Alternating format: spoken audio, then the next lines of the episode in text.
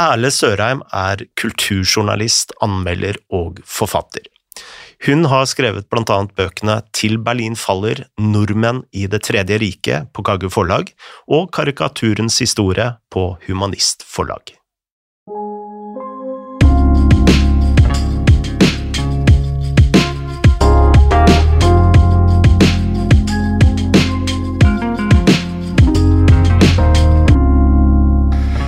Ja, eh, velkommen, eller jeg skal si kanskje velkommen hjem.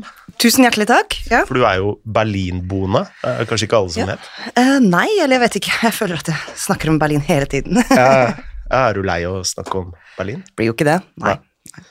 Hvorfor eh, flytta du til Berlin sånn i utgangspunktet?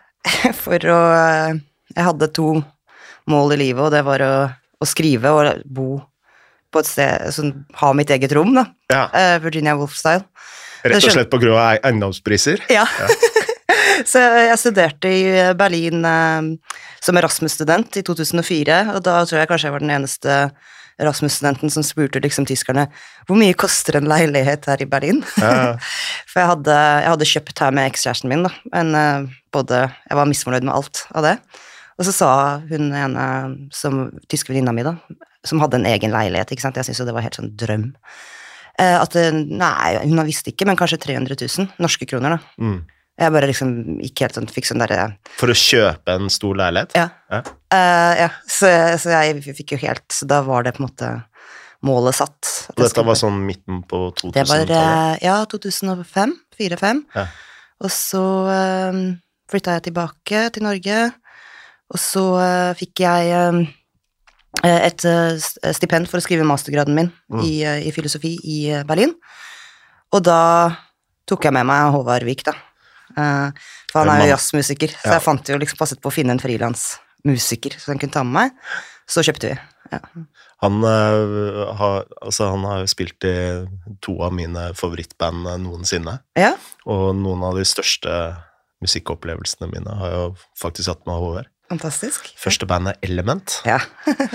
Som, eh, eh, altså det som gjorde inntrykk, var jo at de spilte jo med hvite skjorter og svart slips og ja. skikkelig stilfull eh, jazz. Veldig stilig. Altså, og moren og faren min var venner med foreldrene til Paul Nilsen Love, så jeg var på mange Ja. Atomic-konserter før jeg kjente Håvard. da. Eh, og, og så jobba jeg på Tronsmo, og da var, var det en boklansering av Ole Robert Sunde, faktisk, han forfatteren. Eh, og, eh, og da sto han Eirik Bø, som jeg jobba sammen med, da, Mm. eh, sammen med Audun Winger, Mm. vår felles venn, og Håvard utenfor, og jeg var så klar for å begynne å skrive, så jeg tenkte jeg må bli, introdusere meg til Audun, Mm. em, for å få begynne å skrive i Natt og Dag, da. Mm. Så, så jeg gikk ut og tok en røyk, bomma en røyk, som jeg alltid gjør, og så, og så introduserte Håvard seg jo. Eller han sa Håvard, så spurte jeg, å, jeg var mer, og så sa han eh, Håvard Vik, og så sa jeg, du er jo fantastisk! og han bare smilte sånn, og da var det, da var det gjort. Jeg mente ikke på den måten, men så ble det jo Det ble bra. Det ble ja, fantastisk. ja. fantastisk. Ja. Altså. Hva er det man sier i musikkens verden? Altså the beautiful mistake? ja. Eh, nei, altså, jeg har også litt sånn Berlin-connection, fordi jeg var jo på klassetur. Jeg gikk på Enebakk ungdomsskole, og vi hadde en, uh, en tysklærer som uh, også var gift med en tysker. Ekte tysker. Og vi hadde jo sånne På Enebakk ungdomsskole så hadde vi jo sånne faste skoleturer hver gang Altså hver niende klasse, da. Og dette var vel i 91 Mm. Wow. rett etter uh, murens fall. Uh, hvor vi var en uke i Berlin, da, og blant annet så Hertha Berlin. Oi! Så Wow. min første fotballkamp eh, noensinne utlandet, det var Oi! å se Hertha Berlin med Jan Halvor Halvorsen Ja, i ja. Bundesliga 2. Så du er Hertha-fan, da? Jeg er ikke Hertha-fan. Jo, jo, du må jo være det da. Ja, jeg bør jo være det, men uh, nei. Det går ikke an. Um, men har du tysk lag, eller har du valgt å ikke ha tysk lag, da? Altså, eh, jeg har alltid vært litt sånn svak for Borussia Dortmund. Du er jo Kondolerer for uh, Ja, men det har falt meg litt. Ja, ja, det. Og så besøkte jo vi Josmar Union Berlin i 2012-2013. Nei, jeg orker ikke høre om det. Nei, nei, nei. Og da ble jeg jo veldig forelska i Union Berlin. Åh, det er så Alle hipsterne er- går til Union, og det, det Nei. Ja, men, Da eh, er din første. men så har jeg jo blitt branda da, av dine venner som RB Leipzig-fan. Ja, Ja. Men det er jo ikke uh, sympatisk. Ja, sympatisk. Men eh, altså, mitt innspill i den debatten der, det er jo liksom kommersielle Altså, fotballen er jo kommersiell uansett. Mm. Uh, og hvis noen har lyst til å bruke penger på Øst-Tyskland, som du kan mye mer om meg, liksom henger fortsatt ganske etter Vest-Tyskland, Mm. så har jeg sett på det som en god ting. Ja. Ja. Det er også en måte å se det på. Eller så kan man se ond øst, som Asbjørn Slettebark liker å kalle det. Jeg smakte for øvrig Red Bull for første gang forrige uke. Å, fy faen, det er for vondt. Det var ikke noe godt, men du fikk vinger. Ja, det er sikkert eh, det er sikkert. Kunne trengt det nå, antageligvis. Mm. Uh, en ting jeg tenker på Berlin, uh, før vi forlater Berlin um, Og jeg husker jeg leste uh, boken om Per Immerslund, Mm. biografien hans. Mm. Litt av en kar. litt av en kar, men en liten digresjon i den boken der portretterte Berlin som liksom det store utlandet for nordmenn. Altså Det var jo til Berlin nordmenn dro for å, å få seg ordentlig utdannelse. Det var jo ikke London eller eh, USA uh, som i dag, som uh, mange kanskje tror. Mm. Uh, og det er jo litt sånn inter interessant at Berlin kanskje er på vei tilbake som et sånt senter. Da. Ja, altså, jeg er jo en del av den nye bølgen, liksom. Ja. Jeg kan kalle meg selv en novell vague. Men uh, den uh, Det var jo, er jo veldig kult med de bøkene jeg jobba med, eller den før karikaturenes historie, som heter Til Berlin faller, som jeg har fulgt Da følger jeg jo annet Sverre Berg, som blir spion under krigen, som eh, begynte da som student i Dresden, Mm. men det var jo også et kjempemiljø i Berlin. Og det er jo fra 1800-tallet. Mm. Og, og det hadde jo Edvard Munch og alle sånne. ikke sant? At man, skulle man utdanne seg, så dro man til Tyskland, og i veldig gjerne Berlin. Um, og vi har jo da den derre Norsk Roklubb, som ble et sånt samlingspunkt under krigen. Det var jo det, de norske studentene i eh, Berlin som i 1905 etter frigjøringen ville ha sin egen studentklubb, så spikket de sin egen roklubb i Berlin, for roing var liksom det man skulle gjøre da. Mm. Og den står jo fortsatt, men det sier noe om eh, hvor mange nordmenn det var, og hvilket miljø det var, da, at man faktisk hadde ressurser til å liksom kjøpe land og lage sin egen eh, roklubb. Mm. Så, så det var jo Det var dit man dro. Um, og så ble ødela jo krigen det, av naturlige årsaker. Og så ble det jo, var det jo problemer med altså øst og vest. Eh, så jeg er jo en del av på en måte, jeg tror Da jeg flytta til Berlin eller i 2004 og sånn, så var det, det var så mange norske kunstnere der. Du hadde så billige atelierer. Mm. Eh, sånn som akkurat jeg fortalte om hvorfor jeg ble der, var jo fordi det var så utrolig billig. Og fantastisk by, da. Eh, og det tror jeg dessverre kanskje er litt på bak... Det går tilbake nå, fordi det er, så, det er blitt så dyrt der òg, da. Det er ikke så billig for norske studenter, og det er ikke så lett å finne seg leilighet lenger. Nei. Det er veldig synd. For da mister du jo altså disse folka, unge folka som kommer For nå må man slite skikkelig med å finne en leilighet, akkurat som i Oslo. Mm. Det er litt billigere, men det er ikke det samme som, eh, som før, da. Mye takket være norske eiendomsinvestorer. Ja. det, er, eh, det er ikke alltid nordmenn er så populære i Berlin. Hvis, eh, jeg pleier ikke å si til uh, tyskere at jeg eier leilighet, for å si det sånn. Nei. Nei. Eh, bare sånn uh, avslutningsvis uh, på den forrige boken din, 'Til Berlin faller'. Historien om Wanda Heger. mm. Den er utrolig fascinerende, og en dame jeg aldri har hørt om. Nei. Og, og jeg bare tenker på, altså når man skriver særlig krigshistorie, så er liksom kvinner er jo ofte helt fraværende. Ja.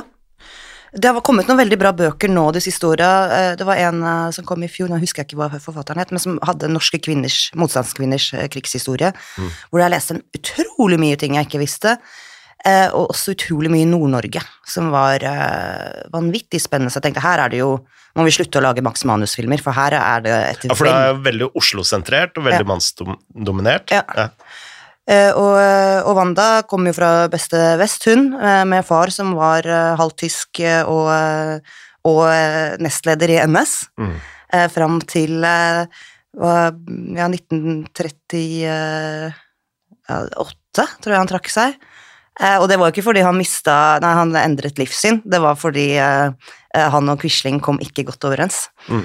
Eh, så det var maktkamp, og så slutta han. Men så havnet han jo da på eh, riktigere side under krigen og ble til slutt fengslet fordi han eh, skrev Han var imot NS sin og- maktovertakelse, og, eh, og havnet i, i Sachsenhausen. Mm.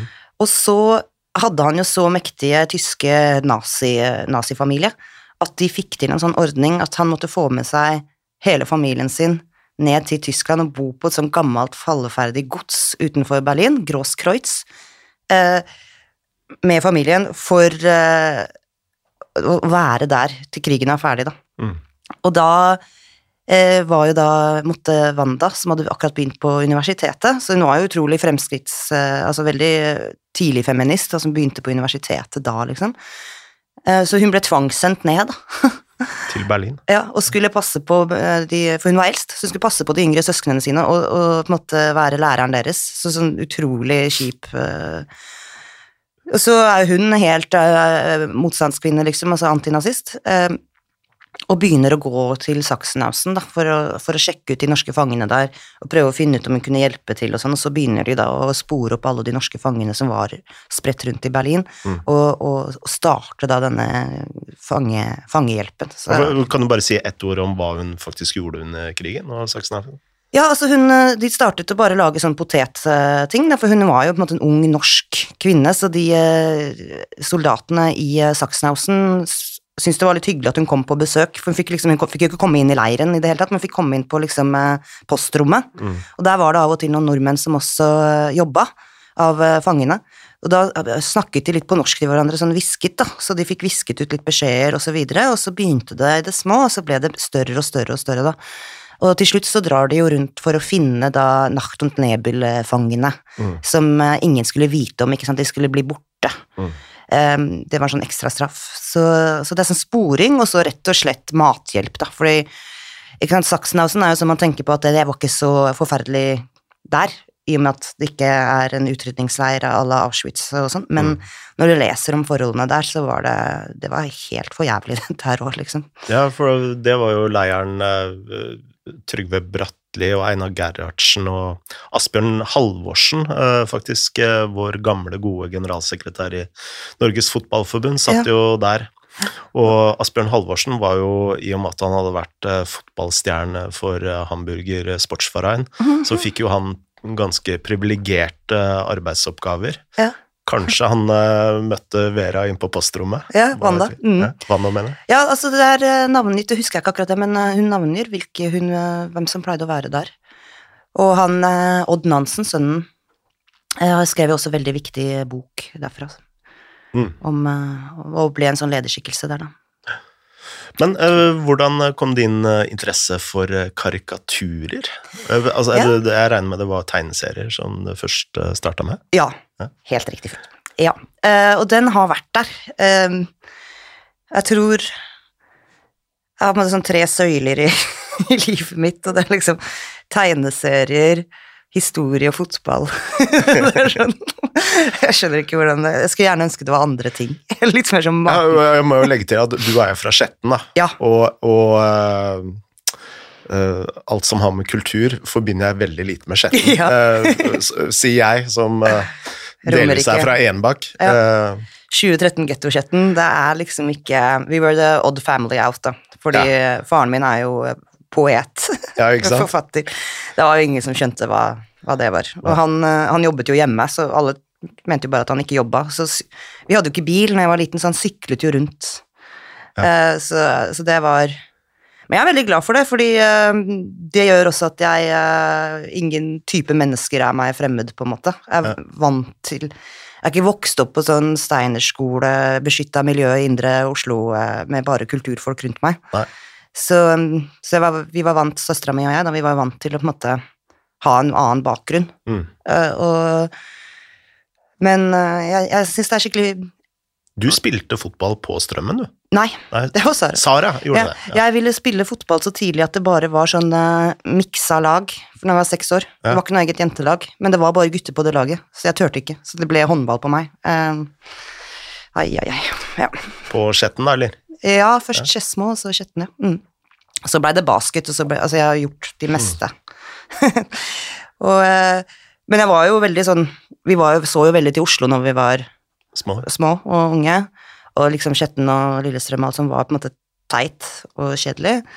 Men jeg har nå, eh, som eh, Ja, gud, nå er jeg voksen, funnet ut at eh, fy søren, jeg skal være litt stoltere av Om ikke sånn stolt eh, Sånn Jeg kjenner ikke det bry, bruse i brystet, liksom. Nei. Men Romerike er bare så Det er liksom det Østfold og Romerike tror jeg noen av som, som folk i Norge syns er minst spennende og, og liksom har minst status, da. Jeg var med den boka her i høst mye på Vestlandet, Ja. og der er det jo bare sånn eh, han eh, Roar Hagen, karikaturtegneren i VG, vi hadde sånn Og han er fra et eller annet som, utenfor Molde, da. Mm. Og da var det, når de introduserte oss, så var det sånn «Å, Roar Hagen som Ja, det var ikke den dialekten. Jeg skal ikke Du er like dårlig på dialekter som ja, meg. eller jeg syns jeg er ganske god, da, men Håvard sier sånn Du må bare ikke gjøre det. Uh, og da sa de sånn langt Og han er der og der og derfra, Ja. og bla, bla. Og Erle Sørheim. Så jeg sånn De har sånn stolthet, da, ikke sant? Og han er fra den øya, og, bla, og de snakker så mye om hvor de kommer fra. Så tenkte jeg sånn Det er ingen som gjør. Og vi har ikke, vi har ikke noe litteraturfestival, eller liksom Det, skjer ingenting på Romerike, og vi er så mange folk. Ja. Så ja. Justice jeg- for Romerike. Jeg har også følt mye sånn flauhet fra hvor jeg kommer fra. Mm. Um, Det er ganske merkelig. ja, altså særlig i musikerkretser. Ja. Og jeg, i og med at jeg kommer litt sånn fra forskjellige steder Altså, jeg har faren min fra Snarøya, moren min fra Lørenskog, og, som flytta til Enebakk når jeg var tolv. Og det var liksom Jeg visste ikke om den snarøya, da hadde jeg ikke hatt så mye respekt for deg. Hvis jeg visste at du var Nei, det hadde du ikke på Enebakk heller, så, så det var jo juling første friminutt. Å, stakkar. Eh, så Og ingen av de stedene er jo liksom noe man Jeg føler man snakker høyt om, da. Nei. Så, ja. Og eh, særlig sånn innad i familien òg. Altså, Morsslekta mi så veldig ned på farsslekta mi fordi de kom derfra. Farsslekta mi så veldig ned på morsslekta mi. For jeg husker jeg fikk en eh, Mamma er jo fra Lørenskog, så hun snakker jo ekstra bredt, da. Hun sier 'banan', for eksempel. Ja. Det var det Eh, mange som gjorde hos oss også. Ja. Uh, jeg husker det var en uh, lille julaften. Jeg fikk en uh, Av pappa, da. En såpe. Og det var for å vaske ut eh, alle A-endingene. Nei, nei, nei. nei. For, ja, altså, det høres ut som en ondskapsfull fyr, men han ja, Og en prank. da. Ja, ja. Nei, det er den greia, jeg merka det med en gang jeg begynte på Universitetet i Oslo også, at øh, jeg øh, Plutselig sa jeg boken. Ja. Og det, det hadde jeg aldri gjort fram til da. Men du merka bare Du vaska det faktisk da med såpe, altså. Du, du, du tok bort det, for det var Det er ikke noe Nei, altså, vi har jo på en måte dialekt, men den er ikke ansett. Nei. På den måten alle andre dialekter er ansett i, øh, i Norge. Mm. Så nei, jeg har tenkt på det litt de siste årene. At jeg sånn øh, Fy søren. Stolt romeriking. Få tilbake A-endingene. Ja. Hvis vi begynner å snakke om eh, Ja, karikaturenes eh, historie, altså, hvor begynner man eh, hen da? Ja, altså Jeg har jo da eh, tatt undertittelen fra hulemalerier til Charlie Hebdo Ja. på en bok på 200 sider, så de der mest nerdete eh, tegneseriefolka, de sier ja, men det her er ikke hele historien. Ja. Men, nei, men det tror jeg Det forklarer jeg i prologen. Det er liksom nedslag i historien. Uh, og dere ser vel det, at den boken ikke er et oppslagsverk eh, på 10 000 sider. Hvilket det kunne vært, liksom. Altså, den er jo, det er jo utrolig mangfoldig, men det er så mye at eh, Å dra opp Altså, det jeg ville gjøre, var å dra noen røde tråder gjennom historien. For å på en måte forklare hvorfor vi har den tradisjonen i dag, da. For det opplever jeg også at uh, det er mange som ikke skjønner eh, lenger. Også sånn etter Charlie Hebdo, og jeg merker jo også det er ikke liksom bare unge folk med sånn cancel culture som mener det. Jeg merker venner av mamma og pappa sånn også, som er sånn Men må de tegne Erna Solberg så stygg? Altså sånn som syns det er slemt, ikke sant? Ja. Eh, Så, så det er liksom voksenopplæring, ønsket om det, og da begynte jeg på en måte å gå bakover da, i historien, og, eh, og tar da eh, spekulativt Det er på en måte en eh, Det er et startpunkt, da, for jeg syns det var så fantastisk når jeg eh, begynte å, å finne ut hvor fantastisk vakre hulemaleriene er, da. Mm. som er sånn for 17 000-20 000 år siden rundt omkring i Europa. Fordi det er jo Du har jo trodd at måte, de menneskene er altså, ja, Som også tegneserier alltid har vist. Vitsetegninger. Altså, som en mann som klubber ned en dame og drar henne med inn i en hule, liksom. Ja. Det er jo det inntrykket vi har. Og så ser man da hva, hva de faktisk malte i, eh, i de hulene, da. Og, og det er så vakkert. Jeg har ikke fått vært i en av de pga. koronaen også, men de er jo stengte, de mest kjente, da, som er i Frankrike og Nord-Spania. Warner eh, Herzog har vel laget en Ja. dokumentar om som jeg har sett. Ja. Eh, Jeg ble litt skuffa over altså, Det er så mye Herzog i Herzog-filmer, eh, i de dokumentarene hans, Ja. at det er sånn bare, Kan ikke du holde kjeft og bare liksom vise dette? er best, best uten lyd. Ja. Men han har jo sin sjarm, da. Eh, Den er jo, det er jo helt fantastisk. Og, og da er det da den ene hulen som jeg begynner med, hvor eh, du har disse veldig realistisk tegna forhistoriske dyrene, Mm. og så er det bare Og det er sånn 5000 tegninger, eller måte, av dyr, og så har du en eneste, et eneste menneske i den hulen, og det er en strektegning, liksom. Altså, der har man karikert mennesket helt fra starten. Dyrene prøvde vi å tegne vakre og realistiske, men et menneske har vi jo da bare tegna som en strek, og den er i ferd med å dø eh, av en bison. Mm. Så, så det er kunsthistorikere sånn som har tenkt på er dette, hva er det denne tegningen vil si oss? Eh, er det en advarsel mot hybris? Er det en slags ironi i det at han, han gapte over for mye? Er det en ren uh, mockery, liksom? Var det den uh, tegningen hvor man også viser en erigert Ja, og det er jo da også veldig morsomt, for det er en strektegning, så det er på en måte fem streker, og så er det da en sånn, som man vet er, man kaller det fuglemannen, for han har sånn nebb, og så har det da en erigert penis som står rett opp, men også det er bare en strek. Ja. Uh, og det betyr jo kanskje at det er en sånn rigor mortis, da, at han er i ferd med å dø. Ja. Det har vært en kamp. Eh, og man kan kanskje, det er spekulativt, men den bisonen ser liksom litt på uh, på tilskueren, og man kan liksom ane et bitte lite smil der, da. Mm. Så det er jo helt umulig å spekulere, men det viser jo at vi karikerte oss selv helt fra starten. Mm. Um, og, og så drar jeg det fremover eh, til da man ser sånn i Pompeii, for eksempel, og i i Da Roma. kommer også forløperen til graffiti. Ja, det er så gøy. Ja. uh, og du- det er jo Grafikale, er det det? Graffiare, Graffiare. eh, var det på italiensk, som eh, betyr å risse inn, Mm. på en måte, i, uh, i veggen. Og hvor eh, gammelt eh, Så det er der ordet graffiti kommer fra, da. Fordi eh, i eh, Altså på 1750-tallet, tror jeg det var, så oppdaga de i Roma en del av eh, Eller så det hadde vært en del av eh, keiserpalasset. Men før det hadde det vært en eh, gate som de hadde bygget, plombert inn da, for å bygge over. Så de fant denne gatestubben. Og der var det jo da masse risset inn i bymurenveggene. Mm. Så det vi gjort hele tiden, og da var det, sto det jo masse der, sånn som i Pompeii også, står masse oppskuende greier på, på veggene. Eh, men eh, da i Roma så fant man da den første eh, graffitien, da, som er en sånn risset inn, slått inn, Asterix-style, det hele Ja. eh, av eh, en, eh, et esel som er tegnet på et kors. Eh, og så står det en dum fyr under og liksom tilber eh, dette eselet på korset. Så står det 'Alaxamenos tilber sin gud'. Og det var jo da det første ikke-kristelige kilden man hadde til kristendommen, da. Og det er sånn fra 200 år eh, etter Kristus. Så det var rett og slett eh, religionskritikk? Blasfemi og Men da var jo fortsatt ikke Roma kristent, da. Nei.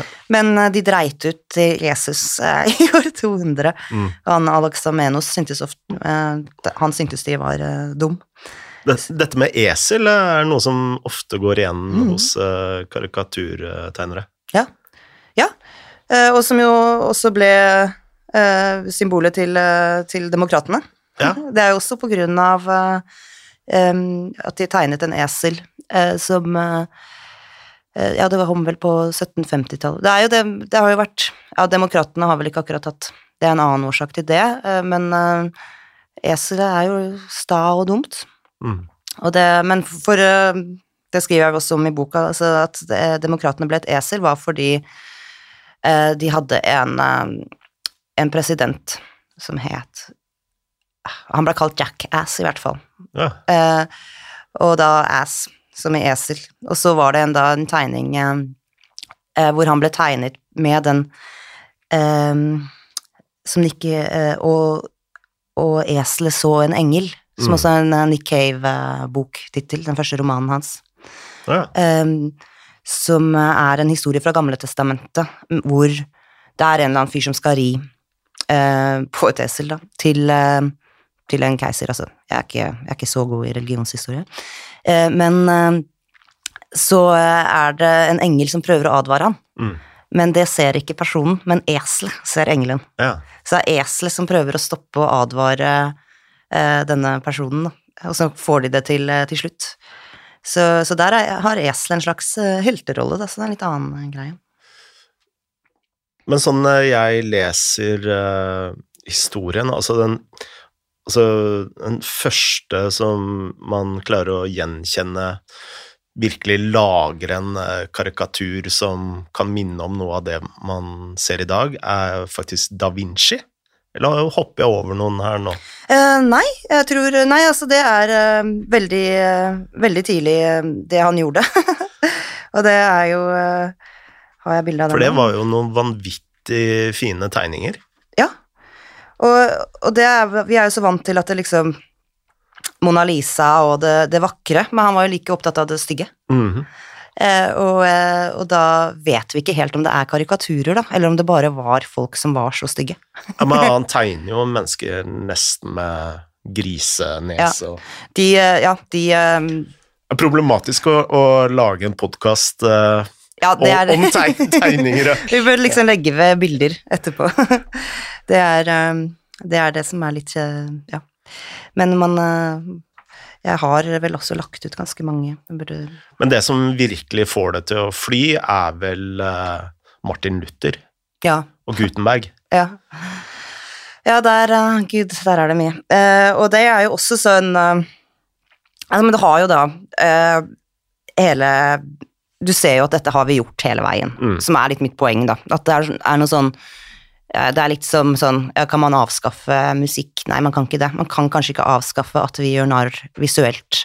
Uh, med god eller dårlig grunn. Mm. Det er jo også en sånn ting. En karikatur er jo ikke smart og bra i seg selv. Nei. Det er derfor jeg også gir mye plass til da Altså, Martin Luther var jo en forferdelig antisemitt, Mm. og har jo da tegnet Han, uh, han og Lukas Kranach den eldre, en kunstner, de slo seg sammen for å spre protestantisk eh, tankegodset, da. Mm. Og mobiliserte jo så sinnssykt mot, eh, mot den katolske kirken i Roma. Så det var noe sånn år Altså, Gutenberg satt jo også i, i Tyskland og fant det som vel ikke kaltes Tyskland den gang, men og fant jo opp trykkpressen. Mm. Og de første årene så Martin Luther han propaganderte så sinnssykt mye at han var den som utga mest ting samlet i hele verden, liksom. På, på, han bare her. Tok helt over. Ja, han tok helt over og ga jo ut så mye propagandaskrifter. Ja. Og da også uh, masse ting med he, veldig antisemittisk uh, tankegods. Og også uh, da slo seg sammen selvfølgelig med Kranak for å visualisere det han mente. Mm. Eh, fordi folk jo ikke nødvendigvis kunne lese, men folk kan jo se. Se, ja. Mm. Mm. Så det er jo der også du kommer eh, hvor eh, effektive visuelle tegninger er som propaganda, da, som Mm. vi ser opp gjennom hele historien. Og det var jo ikke finslepent, eller på noen måte subtilt, det han eh, og Kranach holdt på med. Det er jo, eh, som jeg har i boka også, så er det jo sånn Nå vil vi vise at eh, pave, pavemakten er korrupt, liksom. Da Mm. har de jo da en sånn eh, tegning med tresnitt med eh, hvor eh, eh, de, du vis, de viser eh, paven som blir bæsja ut av rumpa av en furie, og så eh, oppdratt av ulike hekser, da. Ja. Det er, det er ikke sånn det er ikke sånn veldig smartness på det, men de fikk jo fram budskapet. Så, så der ser man både hvordan eh, tegninger er propaganda, og også karikaturer, da. Det begynner. Og så eh, etter hvert så kommer man jo opp mot 1800-tallet, hvor det blomstrer i eh, Europa, og da særlig Frankrikes tradisjon, da, som jeg syns var litt ekstra viktig å, å ta tak i, siden, siden den er så sterk der fortsatt. Ja, for akkurat det der med hvor effektivt det er, det er jo Napoleon et eh, godt eksempel på. Mm. For du skriver jo om at eh, Napoleon ble jo portrettert som ganske lav, og det er noe som har eh, Altså, alle tror det fortsatt. Mm. Uh, Ja, det var det da James Gilray, som eh, en eh, engelsk kunstner, som er eh, ansvarlig for, som begynte eh, Napoleon var, hadde et sånt eh, på hoffet i Paris. Så så han den eh, engelske ambassadøren, var det vel. Og da ble han så rasende at han var i selskapet, mm. at han fikk et sånt fits, da, eh, og, og begynte å, rope ukvemsord. Og mens liksom selskapet sto der, så gikk han liksom mer og mer til sine eh, private gemakker, mens liksom de ukvemsordene ble liksom lavere og lavere jo lenger bort i gangene. Og dette var så barnslig, da, at James Gilray tegnet en tegning hvor eh, Napoleon liksom var et lite barn eh, som, eh, som liksom blir kjempesinna. Og det begynte da den Gilrays Da begynte han å tegne han min, mer og mer som et barn, da. Mm. Han kalte han Little Boney. Og eh, derfra da, Ja, han gjorde det mer og mer finpusset på, på dette, og da tegnet han jo alltid Napoleon så liten. Og dermed er det er det blitt sånn, da, i folks eh, oppfattelse, at Mm. Napoleon var liten. Men han var, eh, han var ved min høyde, han var sånn 1,65, og det var ikke spesielt lite den gang, da. Nei, fordi da var jo folk mindre. Mm. Eh, mest fasciner- eller ikke en, en av de mest fascinerende historiene som jeg humra veldig godt av, det var jo historien om Jean-Philippe Delhomme. Ja. Nå er jeg utrolig dårlig på, på navn, men det er Delhomme.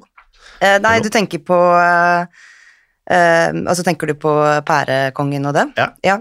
Domier. Honoré Daumier. Ja, ja. Eh, Det var ganske langt unna. ja, men det er eh, eh, Altså, Domier er tegneren eh, og for Charivari, men kongen var Ludvig Philip. Mm.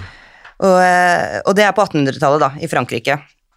Hvor eh, de klarte å få liksom pæren til å bli et antirojalistisk symbol. Det var den du tenkte på? Ja, ja. eh, for det endte jo opp i en eh, veldig famøs uh, rettssak. ja. Eh, ja, du kan jo fortelle historien selv. Ja, altså det som uh, skjedde var jo da at uh, Ja, vi var på 1840-tallet, er det vel Nei, 1830 Nå skulle jeg nesten hatt Ja, her har jeg notatene. 1830-tallet. Ja, og eh, eh, altså forleggeren var Charles Philippon, så det var vel han. Eh, og Honoré Domier var hans sjefstegner, da. Så han hadde du kan fransk òg, du? Jeg er ikke så god på fransk. Jeg, jeg, jeg læ- lærer fransk. Jeg kan lese tegneserier og aviser. Og eh, da var det denne nye Altså, jeg, jeg begynte å, å, skrive om det her, og skrive om Frankrike på 1800-tallet Mm. var, jeg, jeg visste jo om én revolusjon. Revolusjonen, liksom. Mm. Men det er så mye Det skjer så mye at det er helt uh, absurd, og det er jo så mange revolusjoner og sånn.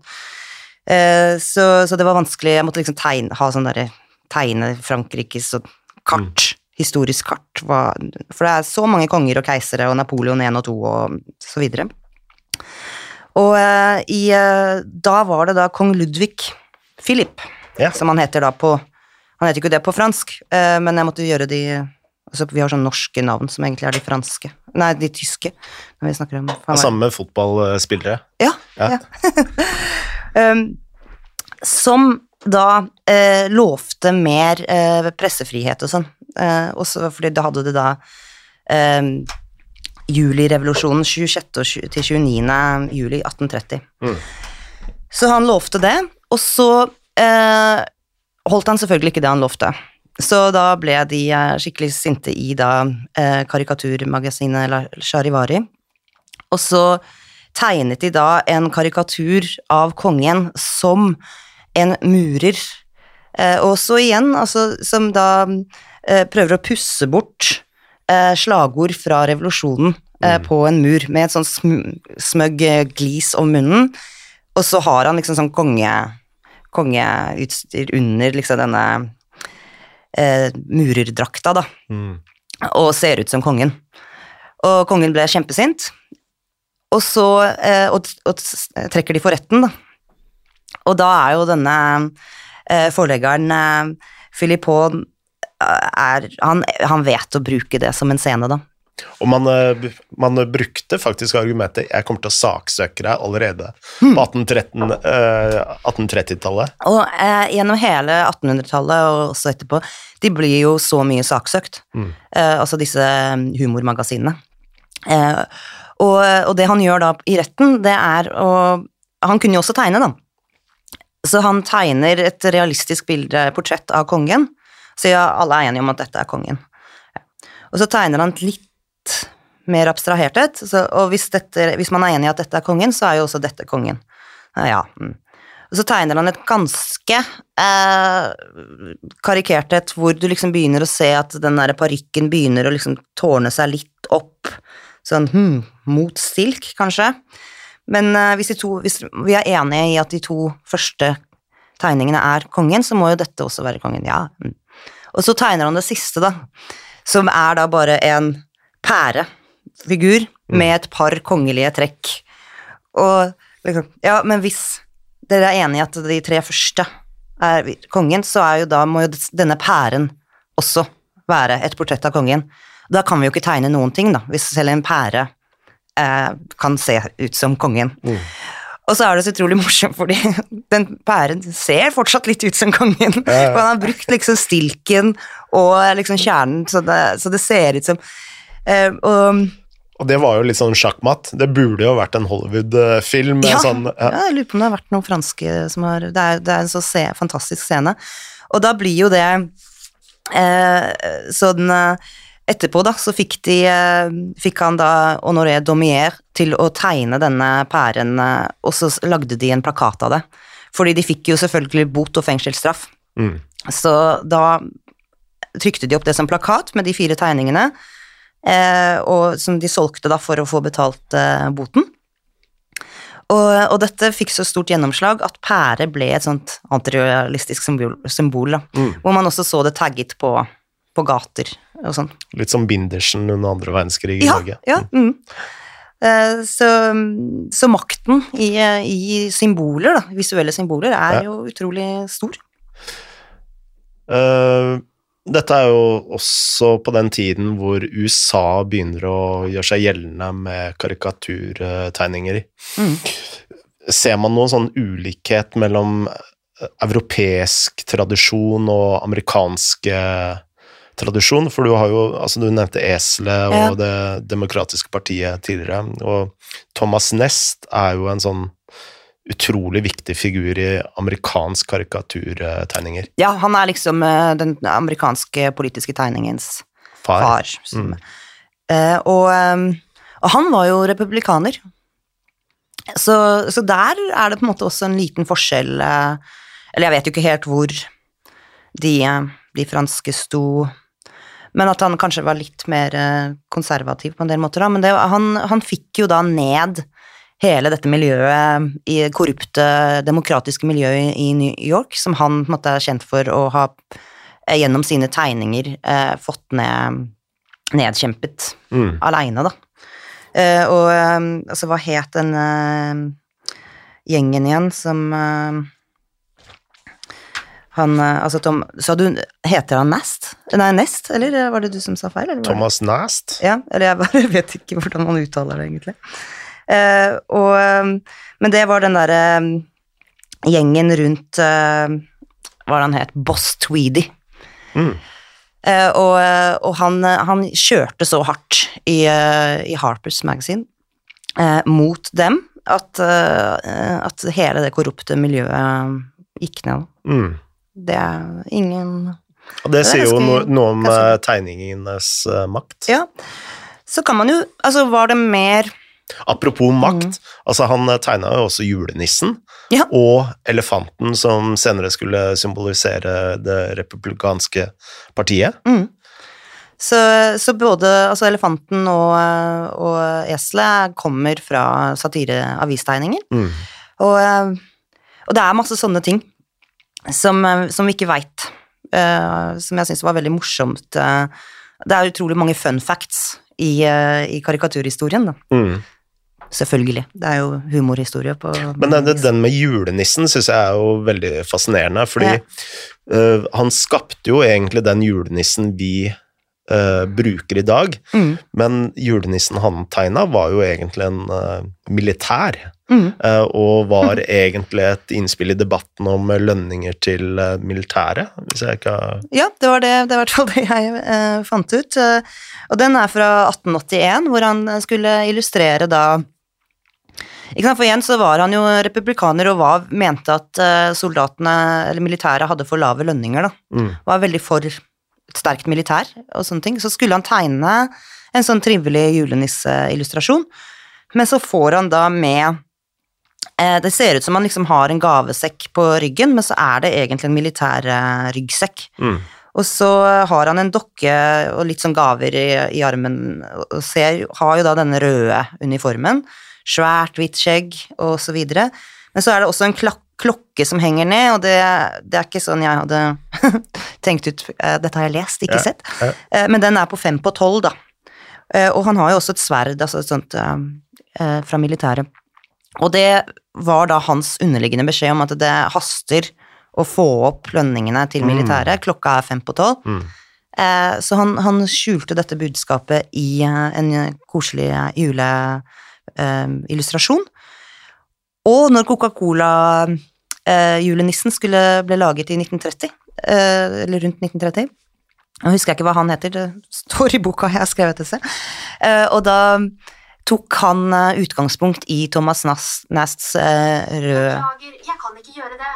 Oi, det var Siri. Ja, nei, kan ikke gjøre det. Eh, og, eh, eh, så Coca-Cola-julenissen, som jo er, igjen, eh, er eh, direkte inspirert av Thomas Nasts eh, julenisse. Ja. Uh, hvis vi tar uh, norsk eh, Drar tilbake til Norge. Dette er jo også på den tiden hvor man begynner å få ganske fine norske streker også. Mhm. Eh, Vi hadde jo altså Vittighetsbladene, som det het, fra 1850-tallet. De- Hva er det? Hva er Ja. vittighetsblader? Ja, det, det er da denne tradisjonen. Du hadde jo på en måte avisene som bare var tekst, mm. og så hadde du da humor, eh, eh, vittighetsblader i tillegg, Ja. som eh, kommenterte politikk, men også mye bare sånn eh, Se på han dumme mannen der. Ja. altså så mye forskjellig. Eh, Men utover da på seint på 1800-tallet så begynner vi å få en veldig sterk tradisjon her også, hvor da Olaf Gulbrandsson, eh, Olaf G som han ble, eh, var kjent som, eh, den, var den største stjerna da. Mm. Og etter hvert Ragnvald Blix.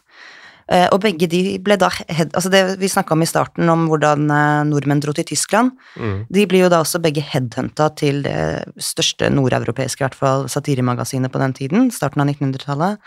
Um, I Berlin? Eh, nei, i München, faktisk. München, ja. Mm. Mm. Simplicissimus. Og eh, Fantastisk navn. ja. og, eh, og da gjør de begge to stor eh, karriere der, og så er det jo da en helt sånn eh, fantastisk Jeg bare tenkte gud, det her er jo, kan bli, kunne blitt en film, fordi krigen eh, gjør jo at Olaf G havner på feil side, og Ragnvald Blix på riktige side, da. Gode, to gode kollegaer. Ja, og Ragnvald Blix var litt uh, yngre enn uh, Olaf G, så Olaf G var hele tiden liksom litt foran han. Og um, eh, da i, eh, i Simplicissimus så var en av grunnleggerne var også TH-TH Heine, som var en jødisk-tysk eh, tegner. Mm. Og også tegnet logoen til Simplicissimus, som er sånn gneld, ildrød gneldrebulldog Mm. i kjetting som den har revet av. Um, og, og de, altså det, Simplicissimus hadde sin storhetstid eh, rett før andre, eh, første verdenskrig, eh, hvor det var veldig lett å gjøre narr av mye eh, liksom Prøysen-kulturen Mm. og de høye herrer. Eh, under første verdenskrig så gjorde de jo det et satiremagasin absolutt ikke skal gjøre, det er å gå med på Gå inn eh, for Tysklands sak da, under krigen. Da er det ikke mye satire igjen, hvis du er eh, pro stats, eh, staten. Nei, for det er litt av nøkkelen til eh, satire, det er at du alltid slår oppover. Ja, og det er altså litt sånn For det er jo veldig sånn humor skal alltid slå oppover. Mm. Men sånn, humor kan slå til siden òg, altså. Eh, Jeg, jeg syns den er litt sånn der enkel. Og så er det jo veldig sånn Nå hopper jeg litt her, men altså sånn at det på en måte er slemt å kritisere religion og sånne ting. Religion er, selv om det er enkeltpersoner som tror på religion, så er jo religion, som vi har sett også da eh, Eller hørt eh, Det Makt. på. Nei, det vet ikke Siri. um, at uh, det er uh, uh, mektige ting. Altså, man kan kritisere og gjøre narr av uh, fenomener også, da. Mm. Ting vi tror på. Ikke bare liksom makt, én maktperson som er uh, tydelig over. Man, altså, sånn, man kan ironisere og tulle med mye fenomener også, da, men ja.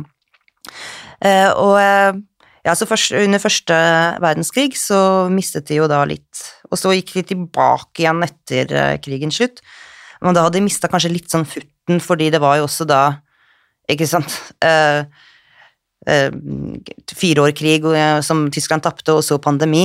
Eh, folk var ikke så innmari klar for å le av seg selv. Men, men det å, å slå til siden og slå oppover, altså uh, Satiren og karikaturene, de var jo også veldig tidlig på banen med tanke på antisemittisme. Mm. Uh, allerede på midten av 1800-tallet sk- eh, skriver du om at uh, norske tegnere Ja, det er også i norske vittighetsblader. Ja. Er det Korsaren? Jeg husker ikke. Og det var før jødene faktisk kom til Norge? Ja, det, altså man har en eh, sånn tegning av en typisk sånn kremmerjøde, da, som var den ideen, ikke sant. Du har jo Antisemittismen er jo så bred, du har jo på en måte en jøde å blame for alt. Ikke sant? Fra kommunismen til kapitalismen, så har du jo da så denne typiske stereotypen med sånn kremmerjøden, da. Så du Mm. har en sånn vittighetstegning som de vel syns er mors... Var vel på en måte sånn, ment som sånn morsom, da, med en sånn sleip jøde som prøver å selge noe til en eh, uskyldig nordmann. Mm. Og da på den tiden så var det sånn tre jøder i Norge. Ja. Og det er det jeg også prøver eh, å trekke en linje der, eh, altså fra Martin Luther og alt, at man eh, Antisemittismen har gått foran at det faktisk var jøder, da, på Ja. grunn av kristendommen eh, og, og på en måte de eh, stereotypene de lagde. Så, så har man antisemittisme steder før man har faktiske jøder som bor i landet. Og det sier jo noe om at, hvordan dette er en idé, en forestilling mye mer enn noe som faktisk eh, kommer fra at man har en konflikt, liksom. Mm. Eh, og, eh, og også da stereotypene krokenese og alle disse tingene, og veldig ofte liksom at en jøden holder rundt en globus, eller liksom er, er mektige, da. Eh, disse tingene har vi da også i norske vittighetsblader. Og så har du jo da, altså så den, så den er der hele veien. Eh, og eh, da, når det er maktovertagelsen 1933 i, eh, i Tyskland, at Hitler tar makten, så velger da satiremagasinet Simplicissimus å igjen logre for makttakerne og sier ok, men da skal vi slutte. For de hadde vært, og særlig Heine, denne jødiske tegneren, hadde vært veldig langt fremme med å kritisere nazistene, da, hele tiden. Og eh, da plutselig eh, sier de andre, da, i redaksjonen, da har de jobbet sammen i eh, 30 år, eh, ok, men Seine må flykte, bli tatt fra alt han eier, og må flykte landet. Og der sitter Olaf Gulbrandsson og er fetert, eh, veldig suksessrik, eh, og de andre tysk, altså som ikke noe, er jødiske, da, de sitter i tegernse rundt München der, eh, i flotte villaer, og, oss lar, altså, forræder, forråder eh, Heine, da. Ragnar Blix òg, eller? Nei. Og det er her liksom denne heltehistorien, fordi Ragnar Blix hadde vært litt tilbake i Norge og sånn. Prøvde å starte et eh, norsk satiremagasin som er kjent for å være eh, kunstnerisk noe av det flotteste som finnes, men eh, altfor eh, Altså, det var på en måte altfor Det var ikke marked for det, da. X-Lex, som det het. Så han var i Norge og forrådte ikke sin gamle venn, og hjalp Heine til eh, å komme eh, til Norge. Eh, litt dårlig timing, for det var vel 1939. Mm. Så, så han gir Heine jobber i Norge og så videre, og så i 1940 så må begge etter hvert flykte til Sverige, da. Og der begynner da Ragnvald Blix å skrive under tegne under pseudonymet Stig Høek, Mm. eh, og er med i håndslag i denne lille motstandsblekka og sånn som ble smuglet over grensa. Tegnet eh, pro bono der. Og i starten så så nordmenn det og ble sinna, fordi Ragnvald Blix var blitt veldig kjent. Hvem er denne svensken som, eh, som kopierer Ragnvald Blix sin stil? Før de skjønte at ah, it's him. Så han eh, satt i Sverige og tegnet motstands-antinazistiske tegninger, og har da en av de eh, mest kjente som, eh, som også da populariserte uttrykket å være en quisling, og det er eh, da når eh, Quisling skal på audiens hos Hitler og blir eh, mottatt av en SS-vakt, og, eh, og Quisling ser sånn utrolig eh, tilfreds og stolt ut, eh, og sier 'jeg er', gjør Hitler-hilsen og sier 'jeg er Quisling', og så spør han andre 'og navnet'. Mm. Altså, Quisling er allerede da Ja, det med akkurat den tegningen der anbefaler jeg alle å, å se i boken din. Ja, den Eh, har jeg. Ja. Uh, den er vanvittig sterk, og dette var Altså, du skriver at uh, det var ikke nødvendigvis at Blix var den som fant opp ordet Quisling, men det var han som gjorde det kjent. Ja. Det er, ja, det er jo ofte en sånn forskjell på det, altså når vi var inne på Thomas Nast i USA også, eh, han fant ikke den første tegningen av eh, demokrati, demokratiske partiet som et esel, det var ikke hans. Nei. Men det var han som populariserte det òg. Mm. og litt det samme med Ragnvald Blix uh, og Quisling-begrepet, det var en artikkel uh, i eh, en engelsk avis hvor det, som hadde overskriften 'Quislings Everywhere'. Mm. Og så, og så begynte det å sette seg, da, og da særlig etter, eh, eh, etter eh, Blix sin tegning. Ja. Nei, jeg har en brasiliansk venn Mm. som faktisk brukte Quisling-ord en gang, og da tenkte jeg herregud, har du Men han- forbandt ikke det med en norsk, norsk nazileder. Nei, Så- nei, nei, så bare som et substantiv, liksom. Ja. Det Ja. det er ganske utrolig å ha den. Det er ingen som heter Quisling lenger, heller, i Norge. Det er litt sånn som Adolf. Hvordan gikk det med Ragnar Blix og Wilks etter krigen? Nei, eh, Gjelde? eh, han var en nasjonalhelt. Mm. Eh, Men han hadde også, så fortsatte han jo etter krigen, men han hadde på en måte gjort sitt sterkeste arbeid eh, under krigen, da. Mm. Det er jo også det som er litt sånn eh, Altså snakka om 20-tallet var vanskelig for eh, satiren.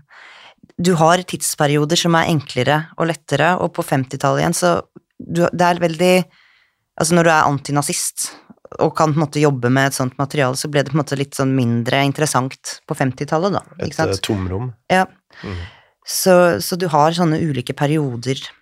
Og da er det vel Finn Graff og sånt som virkelig setter fart på tegningene igjen? Ja, det er jo Dagbladet har jo en fantastisk tradisjon der. Um, Det er kanskje ikke veldig mange vet i dag, uh, og da med tanke på Dagblads uh, dekning av Breivik-saken. Eh, det var jo at både Dagbladet og Aftenposten var jo den store naziavisa under andre verdenskrig, Mm. mens eh, VG og Dagbladet var jo de liberalistiske avisene. mm. Dagbladet er jo en gammel venstreavis, faktisk. Eh, VG ble jo eh, grunnlagt etter krigen av motstandsmiljøet. Mm. og, og Aftenposten er jo da ja, den store stygge ulven i det greia. Og Dagbladet har jo en helt fantastisk etterkrigstradisjon, hvor de også hadde avistegnere. Um, og, og VG også med Pedro, for eksempel. Mm. Det er en tegning jeg kjenner veldig lite til. Ja, jeg, ikke, kjente ikke så veldig mye til han, eh, jeg heller. Hva var som var så unikt med han?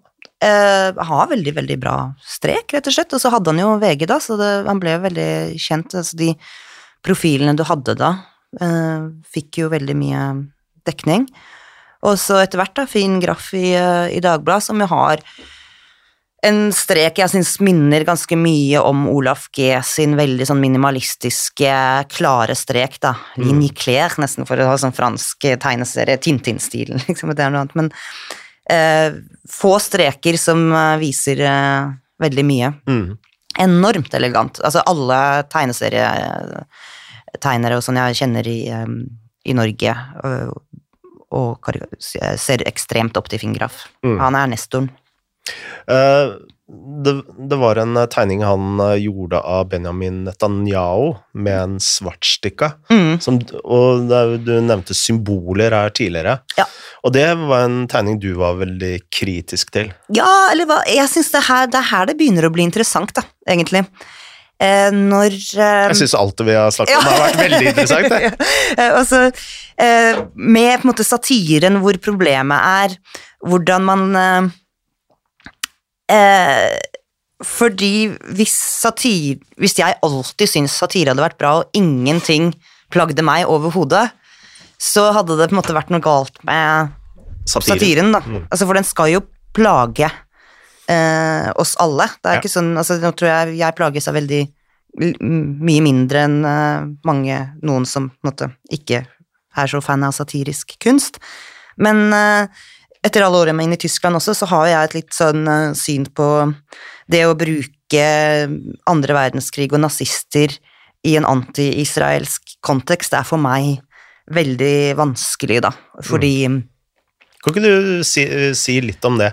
For det tror jeg er veldig mange nordmenn som Ja, ikke er så øh, For det første klar over, men kanskje ikke reflektert over. Nei, og det er jo en veldig stor forskjell på, på Tyskland og, og Norge.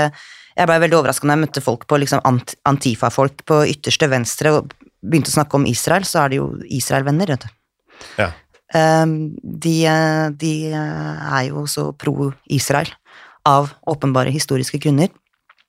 Men da Det er en sånn veldig forenklende greie å si eh, Og det anses som veldig antisemittisk i Tyskland å si at eh, Israel nå gjør det samme som tyskerne under krigen mot jødene.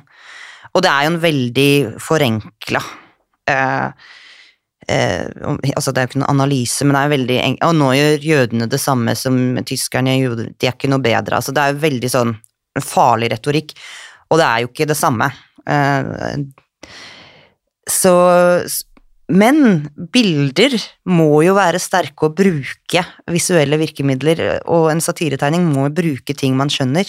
Mm. Så ikke sant, potensen i å kunne kritisere Israels politikk mot palestinerne med å trekke inn visuelt eh, naziuniformer og så videre, og på en måte tegne en eh, konsentrasjonsleiraktig ting og på en måte ha palestinerne inni der, altså det er jo så fristende og effektivt, da.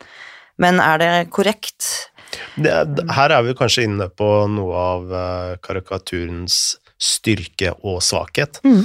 At den eh, både blir Altså, det at den er provoserende, er kan jo både være positivt og negativt, men den kan også være fordummende. Mm. Uh, og det ser man jo litt i altså, dagens politiske debatt, særlig i USA, Mm. hvor uh, uh, altså man tar mye av nyhetsinnholdet sitt fra Facebook og forenkla budskap gjennom memes, eksempel, som kan kanskje tolkes som dagens karikaturer. Mm.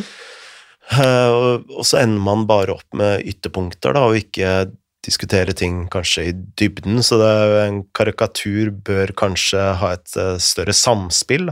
Ja, og det skal jo, altså Siri Dokken, som jeg også intervjuer i boka, hun sier jo også det at den skal jo på en måte få noe til å bevege seg inni deg. Mm. Eh, en karikatur eller en satiretegning, da, avistegning, skal på en måte få deg Hva mener denne tegningen egentlig? At du skal begynne å tenke, da. Det er hennes eh, motivasjon. Mm. Eh, mens folk er jo veldig glad i å si nei, eller ja. Og jeg syns også det er veldig interessant. En, eh, man har jo ofte sånne eksempler hvor, hvor folk dømmer en tegning for å være rasistisk, eller altså satiretegninger, da. Eh, veldig raskt. Eh, og på en måte nekter å se det på noe annet, en annen måte, da. Mm. Eh, og det så vi også med denne av, Jeg husker ikke hva han het, men eh, tennis eh, Michelle Williams som hadde et sånt raseriutbrudd for et par år siden eh, mot når hun spilte mot hun kinesiske tennisstjerna, var det vel? Eller var det hun japanske? Ja. Eh, og da tegn, var det en eh, satiretegner som tegnet henne kjempesinna, da. eh, ras, eh, hoppende på racketen med en, en, at en smokk hadde falt ut, fordi altså igjen, at det hadde vært så barnslig. Ja, Osaka heter hun. Ja. Hun var halvt amerikansk, halvt uh, japansk. Japansk. Hun er det, ja. Og da ble det kjempeoppstandelse fordi folk mente at uh, denne australske tegneren var rasistisk mot uh, Michelle Williams. Nei, Ser, Serena Serena. Ja, men jeg, jeg, jeg er veldig fornøyd nå, Ja. eh, som uh, ikke er den ene som Nei. surrer med navn. Nei, jeg gjør det egentlig hele tiden, ja. Og um, Ikke sant? Og så blir det sånn Ja, men hun hadde jo et veldig barnslig raseriutbrudd. Det var ikke stilig. Det var ikke uh, Men så blir det sånn Nei, leppene er tegna litt for rød. Ikke sant? Så går du på sånn Og så er det en sånn kjempefordømmelse. Han er rasist, ikke sant. Bare bang-stempel. Mm. Og så er det sånn, men er ikke hun Hun er en av verdens største idrettsstjerner. Er det ikke lov å karikere henne? Ikke sant? Og så, så er man på på der, da, hvor det er så veldig mange som har så lyst til å bare nei, bang. Eh, mens liksom Er ikke det litt urettferdig mot den tegneren? Eh, og det er også det som gjør de mye mer nervøse nå enn før, fordi du kan få så shitstorm, da. Ja, altså Du har jo nevnt det at uh, satiren er under press, da. Mm. Og er, eh, altså den er mer fraværende i avisene. Mm. Og det mest nærliggende er jo å da trekke opp Mohammed-karikaturene. Men det er vel ikke bare det. Altså, du har jo uh, den såkalte woke-bevegelsen i, i tillegg. Ja. uh, og um, vi hadde jo egentlig en i Bergens Tidende bare for noen uker siden, en eh, som jo ble Og det sier også Siri Dokken i i intervjuet i boka mi, at det er sånn For hun har tegnet en, eh, en tegning som jeg også har i boka, av Anne Frank i israelsk eh, eh, eh, militærutstyr. Mm. Og da ble begge sider kjempesinna. Og da sa hun da føler jeg egentlig at jeg har gjort en bra ting. Mm. Når begge sider av konflikten mener den tolker den negativt. Og det hadde vi da i Bergens Tidende for et par uker siden med en tegning av trans, eh, en transkvinne i eh, garderoben, for du har den derre dumme, store garderobedebatten. Ja. Og så eh, har du da eh, cis-kvinner, som det jo kalles, eh, altså vanlige eh, fødte kvinner, eh, som er livredde og står på hver side, mens transkvinnen står i midten og synger en sang og er veldig blid og glad, mens de er kjempestygge og karikerte og er livredde i hvert sitt hjørne. En tegning, den tegningen så jeg, og tenkte dette er jo en tegning som også tuller, driter ut garderobedebatten. Mm. Som den store liksom, Er det et problem? Det er jo ikke et problem. Altså, jeg bor jo i Berlin, jeg har to naboer som er trans. Eh, jeg har jo jeg har aldri, aldri opplevd at noe sånt i det hele tatt i noen som helst garderobe, så jeg tenker det er så oppkonstruert og tullete, da. Og jeg så jo den tegningen som eh, en utdriting av det, den debatten. Og de kvinnene er jo også da tegnet kjempe, kjempestygge og skrekkelige og har en helt sånn idiotisk eh, redsel for det. Mm. Men den var jo da eh, transfob, og Twitter kokte jo, og det var jo på en måte den annen redaktør da, som mente at denne tegneren skal, må aldri få tegne, sette en tegning på trykk igjen. Altså, eh, helt utrolig da, hvor fort vi krever sensur, eh, og folk blir så sinna av en tegning. Og også de, de der eh, veldig Som er så Det er et sånt lite miljø på Twitter som er sånn kjempesinna på, på tra- antitrans, da, liksom merkelig.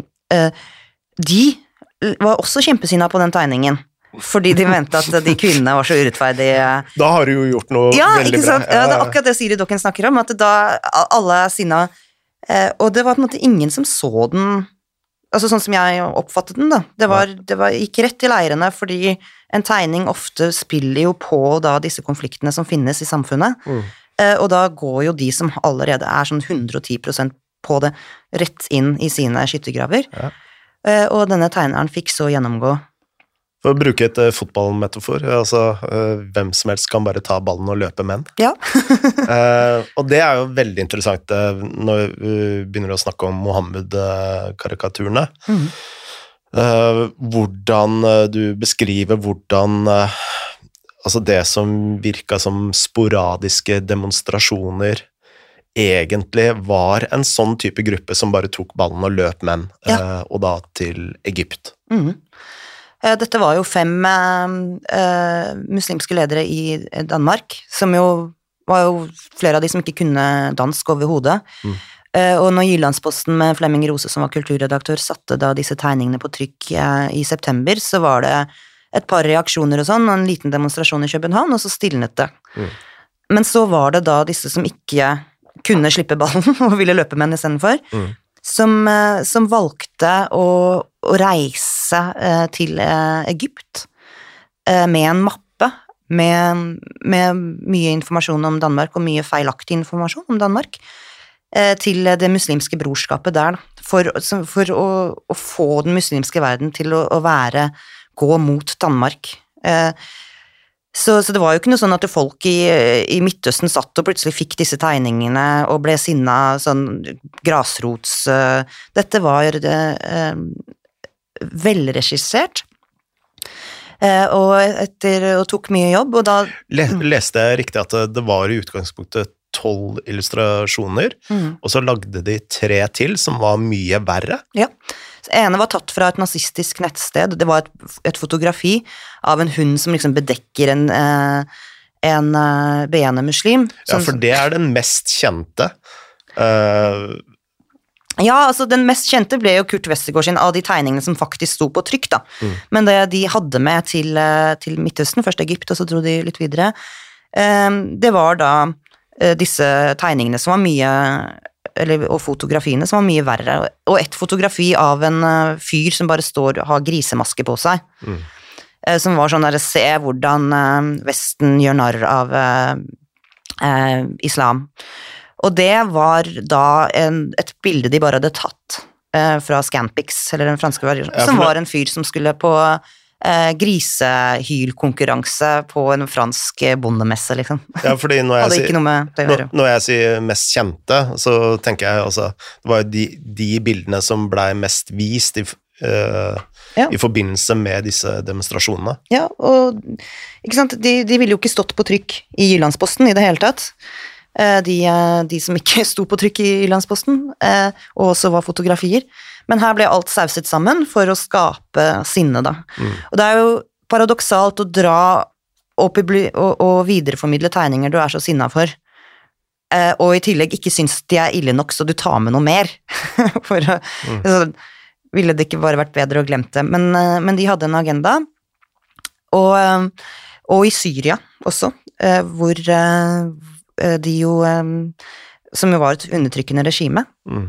Og der satt eh, eh, Hva het hun til fornavn? Eh, ambassade eh, Altså, ambassadøren var ikke der engang når, når disse eh, demonstrasjonene virkelig eh, begynte å flamme opp da, i Midtøsten i 2005. Nei, 2006. Altså tegningene var på trykk i september eh, 2005, og så var de store eh, demonstrasjonene sånn i eh, februar 2006, så det har gått masse tid. Var det også med på å liksom antenne konflikten i, innad i Syria? Ja, det er jeg litt usikker på, um, eh, men eh, han, også mannen til hun som var eh, eh, ambassadesekretær, eller hva hun var, hun var aleine der, Dag Wollebekk, han eh, var eh, også der, eh, og opplevde da at de dro De hadde, var heldigvis, de hadde en datter også, og heldigvis så var de eh, ute i en svømmehall og på vei hjem når, eh, når disse demonstrantene hadde tent eh, antent den danske ambassaden og kommet til den norske og gjort det samme der. Og han har altså sagt, og alle sier, det, er ikke mulighet, det var ikke mulighet for disse demonstrasjonene eh, å eh, flamme opp på den måten i Syria, uten at eh, styresmaktene var enig i det. Mm. Altså, ikke sant, de var instrumentalisert hele veien, da. Og eh, eh, hun forteller også da eh, om hvordan eh, den danske ambassaden og den norske eh, i Syria før dette, de følte seg utrygge og ba om mer eh, security, som de ikke fikk. Mm. Så dette var helt villet, eh, og for å bruke dette i en sånn antivestlig eh, eh, og, og få, ikke sant, Når det er et undertrykkende regime, så er det veldig fint om folk blir sinna på noen andre Mm. enn deg. Ja. Så dette var helt villet, eh, og, og det er jo det som gjør det så grelt at eh, eh, Jonas Gahr Støre eh, fordømte liksom da Vebjørn Selbøks eh, lille magasinet avis som hadde trykket eh, Mohammed-karikaturene og på en måte unnskyldte seg hele tiden til, denne, eh, til Syria og andre undertrykkende regimer, da. Mm. Eh, Det er vel et av de mest flaue knefallene i eh, politisk norsk historie. Den norsk politisk historie. Og nå som han vet alt, så står han fortsatt ved det, og nei, det var Og det, det syns jeg er eh, Det er å gå fra alle prinsipper vi hadde, har om, eh, om eh, pressens frihet, eh, pressefrihet og ytringsfrihet, og det på en måte å bare Og du skrev en fantastisk eh, kronikk i VG. Ja, Eh, takk, det var eh, mm. har han svart på den, eller? Nei. Ehm, nei, det hadde jeg ikke forventa heller. Men Dag Vollebekk, for det, uh, han eh, var veldig, veldig veldig enig i den og delte den, og han var jo der. Ja. Så jeg syns det var veldig fint å se at um, uh, Nei, jeg tror ikke han svarer på det. Han har vel nok å gjøre. En gang diplomat, alltid diplomat. I, Ja, det virker som det er noe der. Men det er noe med disse prinsippløsheten da, som, skjedde, som skjedde rundt den tida der. Og når du måtte se på Flemming Rose, som jeg intervjua til boka, også Riss, som jo var eh, Som ble skutt i ryggen eh, under attentatet mot Charlie Hebdo. eh, som overlevde å spille død på gulvet der, liksom. For det var to veldig sterke intervjuer. Ja. Ja. ja. Jeg er kjempeglad for å fikk gjort det. Men de lever jo, de har jo ødelagte liv. Altså, de lever jo med politivakt og på hemmelig adresse, altså 24 timer i døgnet. Mm. Du kan ikke gjøre noen ting uten å måtte ha med deg politi. Det er jo helt forferdelig skjebne. Var eh, attentatet på Charlie Hebdo litt av motivasjonen din for å skrive boken? Ja. Ja. Eh, det har jo Altså, jeg har jo alltid på en måte altså Det er tegneserier jeg kommer fra på en måte først, eh, men jeg har jo alltid likt satiretegninger, avistegninger, alltid sett på det, og, men da etter attentatet, da var jeg også på den store tegneseriefestivalen i Angolem eh, to uker etterpå, og det var en veldig, veldig sterk opplevelse, hvor det var Charlie Hebdo-forsider tegna opp altså plakater overalt i byen, og en kjempestor, som de hadde fått til på to uker, da, en utstilling. Og eh, han ene fra Charlie Hebdo, som ikke hadde vært der, var der, og så videre. Eh, og, eh, og det beveget veldig mye i meg, altså Og alle tegnerne på er, er venner med, altså, den derre at du kan bli drept for en, for en tegning, Mm. er eh, Og at en norsk statsminister eh, Ja. nærmest forsvarer det. Ja, altså sånn, ja, det kan man forstå. Så er det sånn, nei, det skal man faktisk aldri kunne forstå eller på noen som helst måte rettferdiggjøre, da.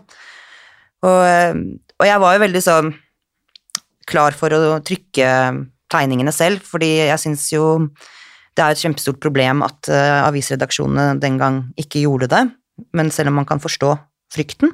Men det var mye vikarierende motiver der som var eh, problematisk, fordi folk sa jo Avisredaksjonene sa jo Nå tør de å si det mer, men den gang så var det sånn Nei, men vi syns ikke de er så viktige, vi syns de er dårlige og sånn. Mange intellektuelle nordmenn og sånn også, som på en måte bare avfeier disse tegningene som dumme og dårlige. Mm. Uh, og det er sånn Har du sett på de tegningene? Jeg tror ikke Du ville aldri avfeid en tekst på den måten. Uh, men fordi det er tegninger, så er det sånn Og avis, altså eh, karikaturtegninger, så er det sånn at de var dumme og dårlige. Men på den Jyllandspostens side, da, så har du tolv karikaturer, eh, og alle hadde jo da For spørsmålet var tør man å, å tegne Mohammed i dag, eller, eller selvsensurerer eh, avistegnere seg. Og så sendte de jo da ut det, det spørsmålet til eh, da, det var 48 avistegnere som var med i en sånn eh, organisasjon. Fikk tolv svar. Alle kom på trykk. Eh, og noen av de er jo altså Tre-fire av dem er direkte kritikk av Jyllandsposten og Flemming Roses eh, spørsmål. Mm. Altså, de forsvarer jo da eh, på en måte Altså, de mener at det er en eh, tullete problemstilling, eller eh, går imot Jyllandsposten, da. Eh, og, og så er det på en måte Kurt Westergaards tegning med denne mannen som kanskje er Mohammed med turban i, i Nei, med bombe i turbanen, som er den ene som på en måte Den eneste som de egentlig ble kjempesinte for, da. Mm. Men så har man da eh, Og det kan jeg forstå. Ja, eh, absolutt. Ja. Men, eh, men eh, det er noe annet enn å liksom eh, ikke som trykke det. Nei, ja, ja, ja, ja. og, eh, og det, det er helt forståelig, men det er ma- mange av de tegningene som ingen muslim ville blitt sinna for. Nei. Som forsvarer da islam og på en måte denne ikke Det er greit å ikke tegne det, som ikke tegner, har tegnet noe Mohammed overhodet. Eh, men eh, de blir bare Ingen ser dem, og så er det bare karikaturtegningene, Mohammed-karikaturene, sekkebegrep, og ingen, eh, ingen ser dem. Og så er jo da den første som får drapstrussel, er en av den mest kritiske mot Jyllandsposten og oppgaven, da. Mm. Som er direkte kritikk av oppgaven. Så, så, det, så disse tegnernes, danske tegnernes skjebne, da, som ikke engang var Som ikke har tegnet altså fire-fem av dem altså Det er vel fire tegninger som Ok, det er Mohammed tegna, og så er det noen som er sånn mm, Kanskje, kanskje ikke. Og én har bare tegnet seg selv svettende over eh, tegnebordbrettet, hvor han prøver å tegne Mohammed, men ikke tør, liksom. Mm. Og, og alle disse får da akkurat samme eh, å gjennomgå på samme vis. Og derfor syns jeg det var så viktig for meg da, å trykke eh, de tegningene i boka for å vise dette. Så det hadde jeg bestemt meg for. Så kommer jo da, mens jeg sitter og skriver den, så er det litt sånn ironisk at jeg opplever litt den følelsen, da, fordi det er da Samuel Paty, den franske historielæreren, som hadde vist Mohammed-karikaturene i historieundervisninga, Mm. og så sagt nå skal jeg vise at de som ikke vil se, kan gå ut. Og, eh, og som da blir henretta på åpen gate. Halshugget. I Frankrike Nei, Belgia? Frankrike. Frankrike. Mm. Ja. Og da satt jeg og hadde bestemt meg for å trykke eh, de tegningene, og så ble jeg bare nei, faen. Tør ikke. Nei, kan ikke gjøre det. Det begrepet blir kasta under bussen, den har for meg litt sånn I denne debatten Da, litt sånn to meninger. Mm. Uh, altså, du har politikere som uh, på mange måter kaster ytringsfriheten under bussen, som uh, i hvert fall for meg er noe av det mest hellige som fins, som journalist og redaktør. Mm. Men så er er det også et sånn personlig aspekt, da, at noen av mine nærmeste og mest lojale venner, som eh, kanskje er de jeg stoler mest på, i hele, er muslimer. Mm. Uh, og når jeg ser muslimske ledere kaste mine muslimske venner under bussen på den måten der, ved å, å sette fyr på en debatt som nærmest ikke var en debatt, Mm. og i tillegg uh, kaste inn det som jeg mener er liksom samfunnets problem nummer én, da. Falske nyheter, Ja. som er nærmest brogru... brog... Hva heter det? Grobunn? grobunn eh, for eh, den vanvittige politiske debatten man har i dag, da. Mm. Eh, så det opprører meg veldig. Ja. Ja, og, og de snakker jo også alltid sånn for alle muslimer, ikke sant, for en utrolig urettferdig ting å, Ja. å Og jeg er klar over at det er et veldig anekdotisk bevis, men man ser jo eh, alltid verden gjennom sine egne opplevelser, da. Så, Mm. så det syns jeg er eh, ytterst provoserende. Ja, Eh, ja og, og at man måtte At man ser at det er mye, utrolig mye maktspill da, mm. bak disse tingene, og, og også sånn udemokratiske ledelsesskikkelser og andre som, som, som har en agenda. Mm. Og, og, det, og disse tegnerne ble jo også kastet under bussen uh, av Vesten også. Uh, Og til slutt så på en måte Charlie Hebdo var de som satt igjen og bare De gjør jo narr av alt, og det var jo det jeg også ville vise hvor, hva Charlie Hebdo kommer av, da. Fordi de er ekstre... Altså, ikke sant, de tuller med alt, uh, og, og de eh, De har ingen eh, sperrer, eh, og, eh, og liksom eh, Jeg tror nok de hadde blitt eh, skapt furore i Norge. Eh, eh, Je Charlie. eh, vi er ikke det i Norge, egentlig. Vi har ikke en så sterk eh, satiretradisjon som den franske. Mm. Men det Riss sier også, er at det, eh, en tegning eh, er så avhengig av kontekst, og lesegruppen vår visste hvor vi kom fra, hvor vi sto, hva det er, hva prosjektet vårt var. Eh, men når det da blir sånn blåst ut av alle eh, proporsjoner, Mm. så, så har ingen den konteksten lenger, og da har du også det problemet at en tegning eh, ikke trengs å oversettes. Alle tror de skjønner en tegning, Mm. men man gjør kanskje ikke det. Altså, man har ikke konteksten, da. Men en tegning kan reise likevel. Og det gjør jo at den, eh, den skaper så mye følelser. Eh, før vi må avslutte her, eh, altså hvilke tegnere liker du best selv? Hvem er dine favoritter? Um, I uh, Altså, Finn Graff er uh, Mm. setter jeg veldig, veldig høyt. Selv om jeg ikke nødvendigvis er enig i enhver tegning. Det syns jeg også er veldig Det er kanskje Bra. det viktige. Ja, det syns jeg. Og så har jeg jo vokst opp veldig med, med Steffen Kvernland, da. Han er jo en venn nå også, eh, som jo hadde altså eh, Dagbladet amputerte klassikere og gjorde narr av eh, eh, norske litterære storheter og sånn, som jeg syns var eh, utrolig morsomt. Eh, Han har jo også laget noen vanvittig fine bøker, blant annet om Edvard Munch. Ja, og Olaf G. eh, sammen med Lars Viske, som jeg jo da fikk til å tegne coveret på min bok, Mm som var en liten barndomsdrøm, eh, ungdomsdrøm. De to har jeg lest liksom siden jeg var liten, så var første gang jeg møtte de eh, på en tegneseriefestival, og de spurte om jeg ville være med og ta en øl, eh, så gikk jeg liksom nedover på Grünerløkka og følte meg som den det var, for meg var det liksom som å gå sammen med Tom York, eh, eller altså sånn Jeg følte bare at jeg gikk sånn «Woo!» Så det var ingen som la merke til det. Men- Messi eller Cristiano Ronaldo, Ja. kan du si. Ja. Ja, nei, Ronaldo ville ja, de Nei, jeg husker jeg Jeg var jo art director i Natt og Dag, og da Ja. brukte vi jo veldig ofte Lars Fiske som illustratør. Ja, han er fantastisk god, Mm. og har så gjennom gjenkjennbar strek.